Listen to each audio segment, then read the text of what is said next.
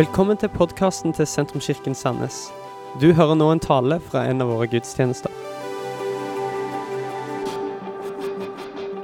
We're starting a new series today called, and I totally screw up the pronunciation, so I'm sorry, but the Hvem bryr seg? Det, det er litt vanskelig. Ja, det er litt vanskelig. Men uh, who cares, right? Uh, who cares? Um, today we're talking about community. The title of my message, which I'm actually has nothing to do with with my message at all. It's just a fun name that I came up with. So if you're taking notes, you can write down "No man is an island," and uh, has nothing to do with anything. I just thought it was cool and it sounded good. So uh, you can write that down if you want. But uh, if you have your Bible today, you can turn in your Bible to Acts chapter four, Apostlenes gjerninger, capital 4. Uh, we're going to be reading from there. If you have your Bible on a smartphone or if you have a physical Bible, whichever. If not, then we have a huge Bible up on the screen that we can read from. Are you ready? Are you alive? Glory to God. Starting in verse 32, it says, All the believers were one in heart and mind. No one claimed that any of their possessions was their own, but they shared everything they had. With great power, the apostles continued to testify to the resurrection of the Lord Jesus, and God's grace was so powerfully at work in them all that there were no needy persons among them. From time, for from time to time, those who owned land or houses sold them, brought the money from the sales, and put it at the apostles' feet. And it was distributed to anyone who had need. Have you ever been in a conversation with someone where you're talking and their response is to pull the conversation on themselves? Have you ever been in this situation where you say, Oh, last night I had made some delicious moussaka, and then automatically they go off and they say something like, Oh, I spent the summer in Greece and it was fantastic. I never wore a shirt. It's a guy talking. I never wore a shirt. It was sunny every day. It never rained. We rented mopeds and we had delicious food every day. I read books by the beach every day, and it was just totally amazing. And uh, all you said was, uh, yeah, I had some moussaka, you know, and uh, then you get a recap from there. And then so you're, you play along. Oh, yeah, I went to Greece a couple of years ago. And then they cut you off. And, uh, and, and you know in the back of your mind, whenever they cut you off, that, that, that they're not really listening to you. They're just waiting for a break or a pause so they can jump back in. Have you ever experienced this? Am I the only one that talks to selfish people? Maybe. But the, they cut you off, and oh, yeah, yeah, my, I was in Greece and I went shopping one day and I bought a shirt, but I forgot the bag. And so I had to go back and get the bag. And I talked to the lady, and the lady didn't know where the bag was. And you're like, what is going on? You know, you're like, I didn't ask for any of this. I think in a lot of ways we've we've we've kind of stumbled into 2018 and maybe we weren't totally ready for it. You know what I mean? Like we as as a society we are so connected. We are so accessible that it is mind-blowing, right? I remember about 20 years or so ago, maybe 15 when text and SMS came out right? And and I don't know how it was here, but in America, you had to actually pay for the service to text and SMS at the time. And I, I'm a I'm I'm kind of an old soul, as they say, and I was like, there's no way I'm paying extra for this. If people want to talk to me, then they need to call me, you know? And I was like, I'm not paying extra for this. If they if people need to get in contact with me, I'm not texting. It's just not something I'm paying extra for. But that as well at the time there was no phones with like full keyboards and so it would take 30 minutes to write a message because you hit the hit five like three times to get to L. And it was the most frustrating thing ever. Like if you were texting 15 years ago, you had no life because that's all you did was text because you had to do the A like 15 times. And you're so frustrating. that I was like, I'm not doing it. If you want to talk to me, then you call me. You know what I mean? And uh, I, I, remember when Facebook came out, and uh, I waited two years because I was like, it's just a fad. It's just going to blow over. I'm not going to get involved with that. Some years later, I have over a thousand friends, and I don't know half of them are, right? Like it's just part of it, right? But uh, we've become so accessible, we've become so connected, and I wonder maybe in the process of becoming this modern age civilization that we are, this new breed of hyper connected people, if we haven't disconnected completely to one another altogether. It's interesting. Uh, sociologists, sociologists, sorry, say that the biggest advancement or the most, the biggest change in our society in the last 100 years is the fact that we have turned from a tribal society, a tribal mindset, to an individualized mindset and the way of thinking and way of living.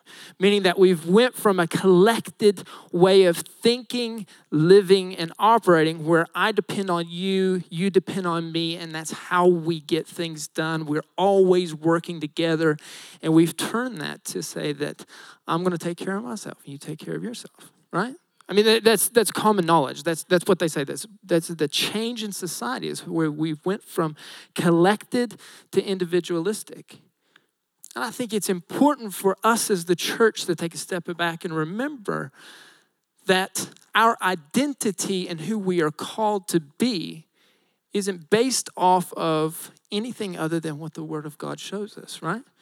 It's, it's, a good, it's a good check in our heart to remember hey, we're actually called to something to be a little bit different, aren't we?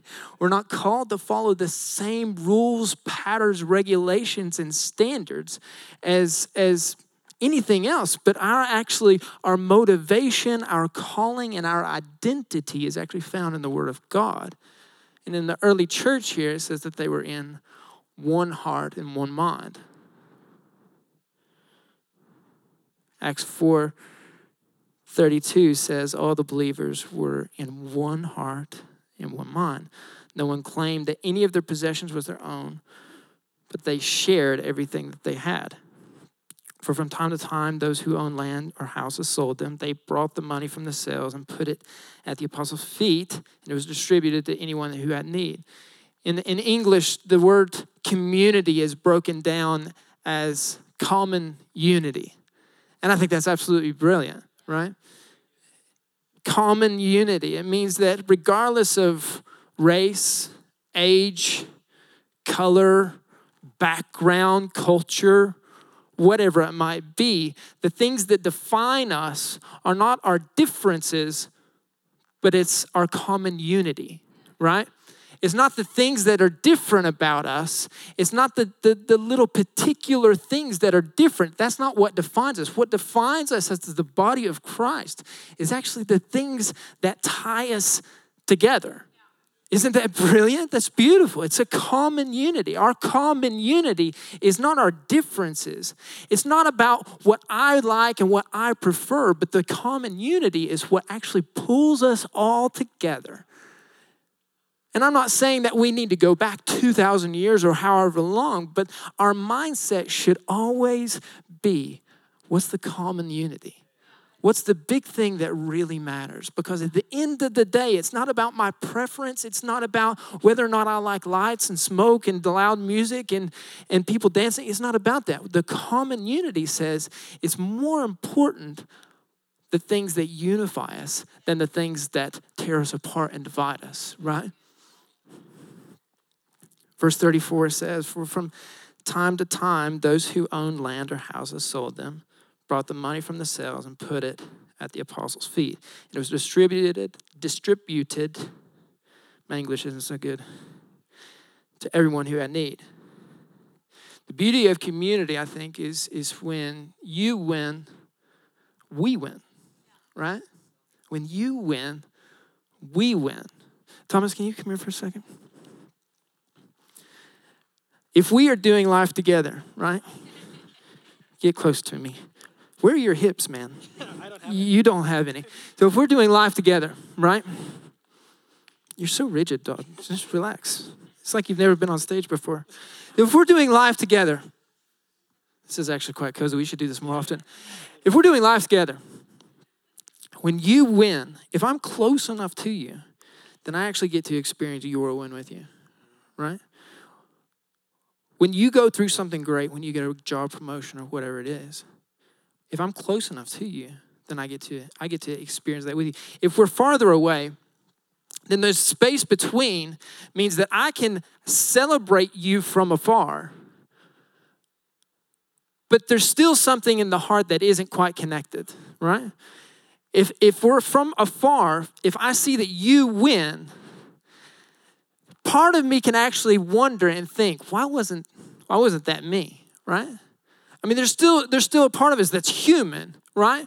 But I think we need to check our humanness instead of just letting it slide. You know what I mean? We need to check and make sure that our humanness isn't a culture that we are feeding into, but we're actually feeding into the kingdom of God that is being birthed in us, that we need to rise up and to bring out that says actually i need to celebrate with you. And if i'm if i'm close enough to you that i get to actually celebrate with you because my heart and my mind are one with you.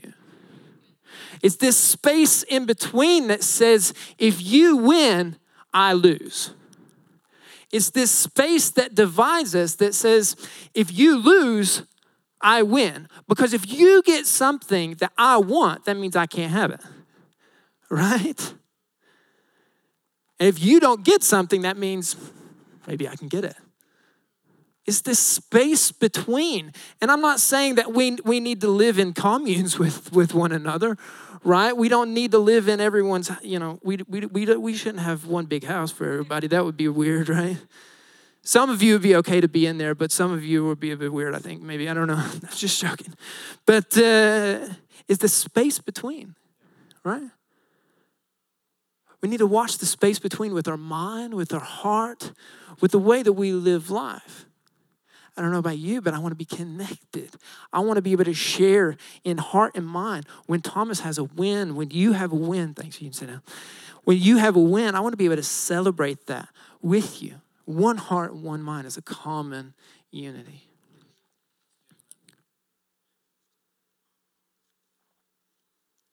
When there's space between the the we becomes a me, right? I focus on myself and I, I think, oh, what about me?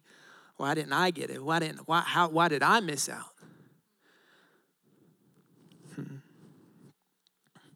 Eugene Peterson, who translated the, the message Bible a very well respected pastor and scholar, he said about community, it's a little bit difficult in, in English. Uh, it's, it's translated in Norwegian. It says, There can be no maturity in the spiritual life, no obedience in following Jesus, no wholeness in the Christian life apart from an immersion in and embrace of community. I am not myself by myself. How beautiful is that? Isn't that good?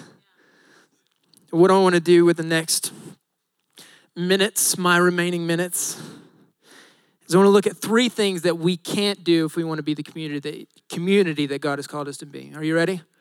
Are you with me? Come on. Number one is you can't hang your hat on past hurts, meaning that you can't hold on to past hurts, right?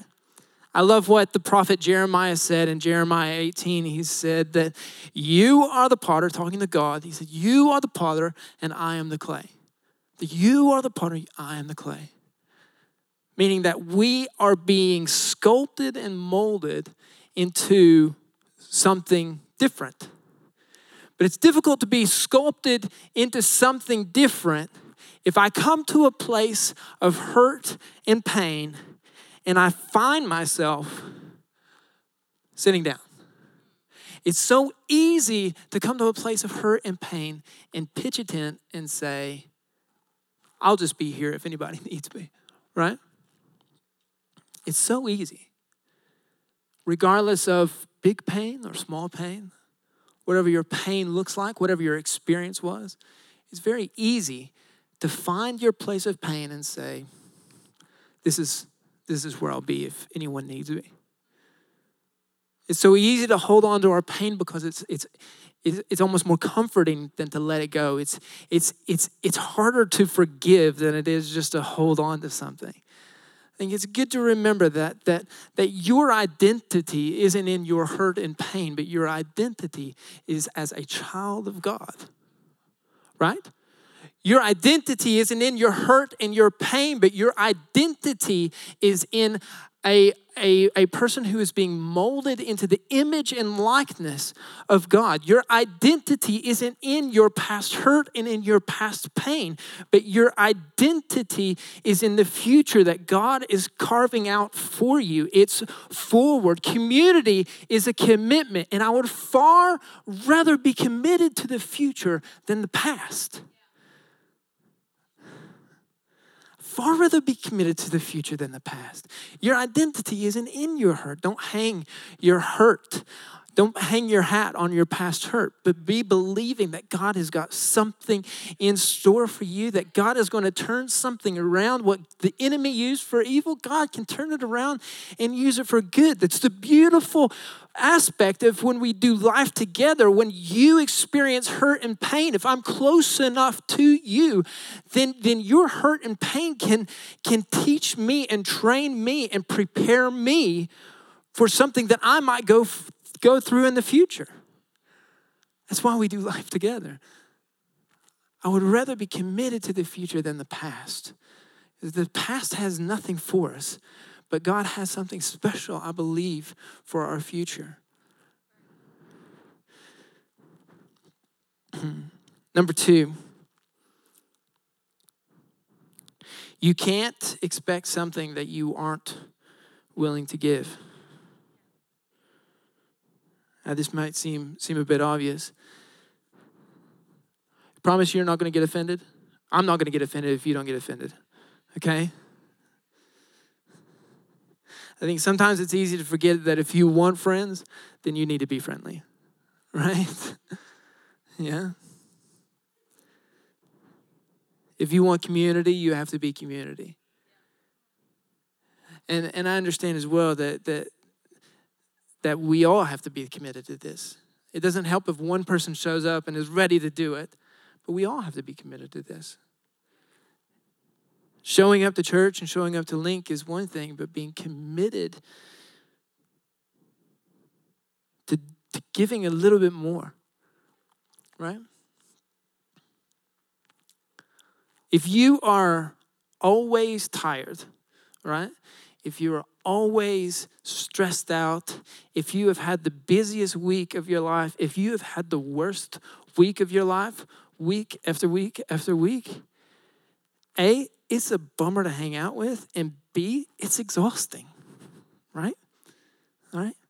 And I'm not saying that, that we shouldn't be real about what's going on in our life. I'm not saying that we shouldn't be honest and open and good grief. If things are tough and if things are hard as a church, we want to be there with you and we want to be there for you.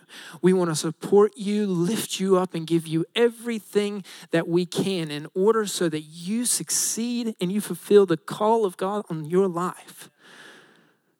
But, but if it's so bad, then, then get help. Get help. Ask somebody for help, but don't tell everybody. It doesn't do you any good. Because the reality is, in this thing called community, is you are a reflection of me and I of you. And so make me look good, and I will do my best to make you look good, right? got really quiet in here now.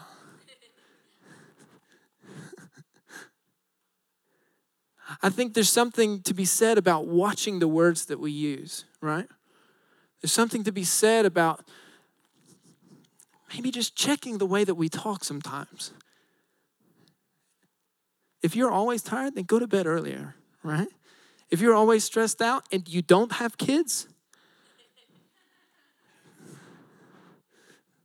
maybe think about what you say, right?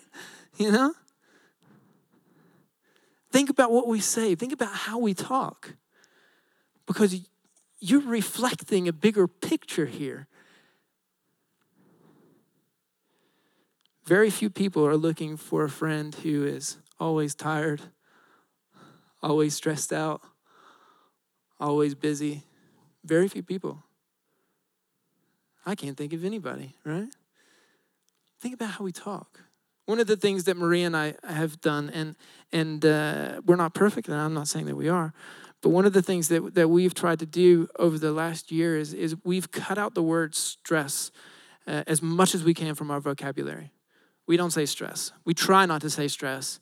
Um, and we've asked people, certain people, hey, if you hear if you hear this word come out of my mouth, check me on it. Say something to me. Because when you're stressed out, there's nothing more that you can do. You're finished, right? When you're stressed out, the only thing you can do is try and get like unstressed, right? But if there's things going on in your life and you're feeling pressure, pressure actually produces something good, right? Pressure produces diamonds, okay? A bit cheesy, but it is what it is, right? Stress does nothing. Pressure can produce something good. Is your week busy or is your week full? Is it, is it, are you, are you, are you, do you understand what I'm saying? Are, are you so busy or is your just week full? It's full of God's goodness. God's got great things in store. Think about how we talk. Let's, let's check the way that we use our words because we're reflecting one another, right? We're showing one another. We're showing the world with the way that we talk and the words that we use either a very tired, very broken, very beat up community or a community that's full of life, that's committed to the, committed to the future, that's believing for God to do great things. Amen. Number one, you can't hang your hat on past hurts. You can't hold on to past hurts. Number two, you can't expect something that you weren't willing to give. Number three is you can't be perfect. You can't be perfect. If we want a community that works, that is committed to pressing on and pressing into all that God has for us, you can't be perfect. You can't be perfect.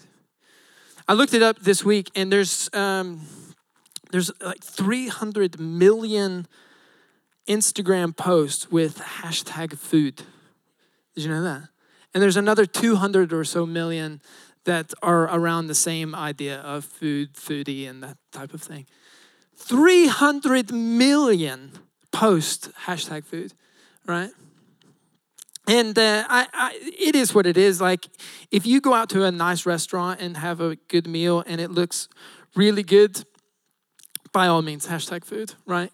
Do it, enjoy it. I think it's it's good to remember though that the same people that are hashtagging food and putting it on Instagram are also sometimes eating Grandiosa at home, right? Like, I mean, not every day are we eating Gordon Ramsay type uh, dishes and uh, and uh, sometimes sometimes Burger King is actually pretty darn good, right? I mean, holla at your boy, right? It's pretty good like the same families that uh, have these perfect pictures of these children running through the forest and their their hair is clean and their clothes are clean and uh, there's nothing wrong there's just beautiful. The sun kisses the top of their heads in such a way that it's just the glory of god busting out of it right? Like those same kids still poop in the bed sometimes right?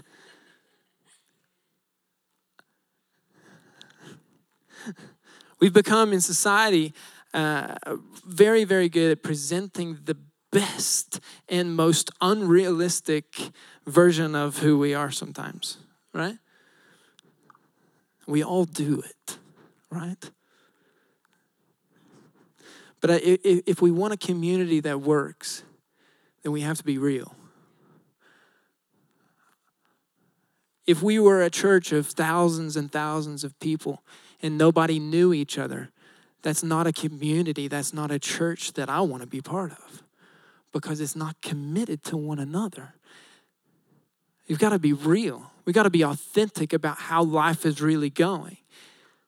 If you show up to church and you show up to Link and, and you never show anybody anything negative, then you're putting everybody at arm's length and arm's distance away from you. But if you're honest and you're open about your weaknesses and your struggles, you're inviting other people into your life in a way that, that we can learn together, and we can grow together, and we can be real with one another instead of pretending to live a life that we're not. Let's be real. Let's be authentic. Let's be genuine. Let's be committed to, to, to, to not faking it all the time, but being real, letting people into my life. And the beautiful thing is, is when I go through difficult times, when I go through through struggles, and when I whenever I'm going through a trial, whenever I'm real and authentic and genuine about it, I let other people in so that they can actually see what it's like and they can understand and they can they can experience the pain with me and they can grow with me and they can learn with me as I do it. And in that God doesn't waste anything. He doesn't waste a difficult season on me, but he uses it not only to teach and to train me, but to train the other people around me that are connected to me. Isn't that beautiful? Oh my goodness. That means that we learn together, we grow together. That's beautiful. But we got to be real. We got to let other people in. If you hashtag food, it's not a problem, man. I'm,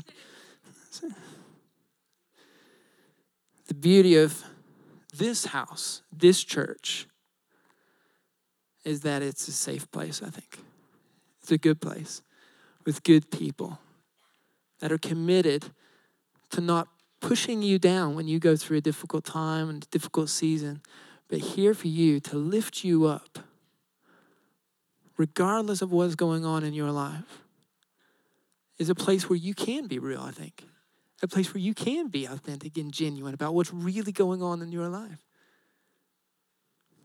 Hmm. One of the ways the Bible talks about the church is as the bride. When you stop and consider how big this thing called the church is. It's, it's huge, right?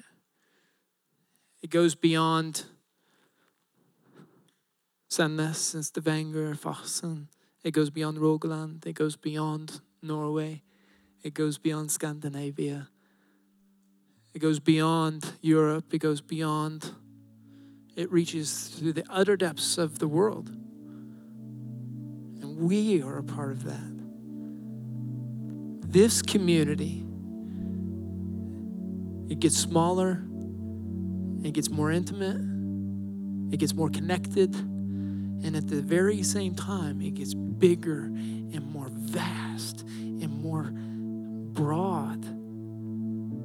Oh, it's beautiful.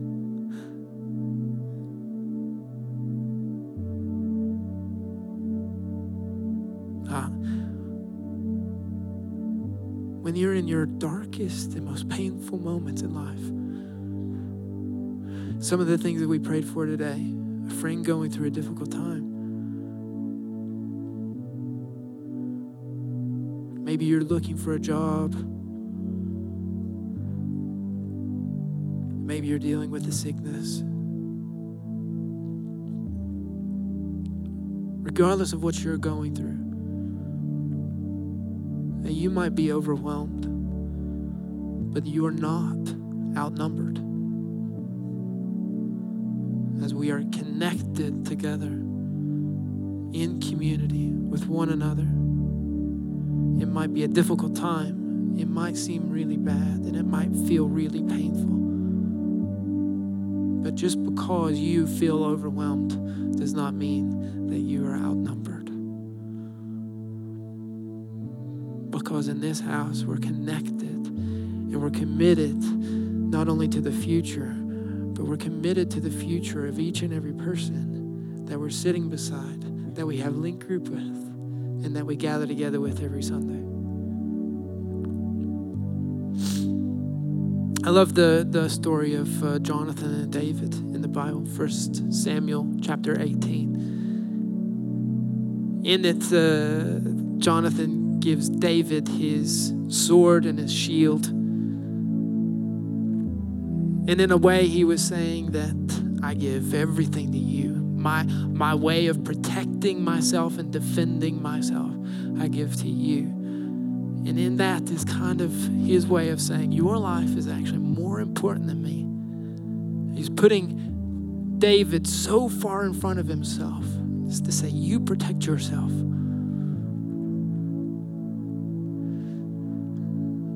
Let us be that kind of community. Let us be those type of people that are so committed to one another that we're putting one another in front of ourselves. It's more important that I be real, open, and honest about my life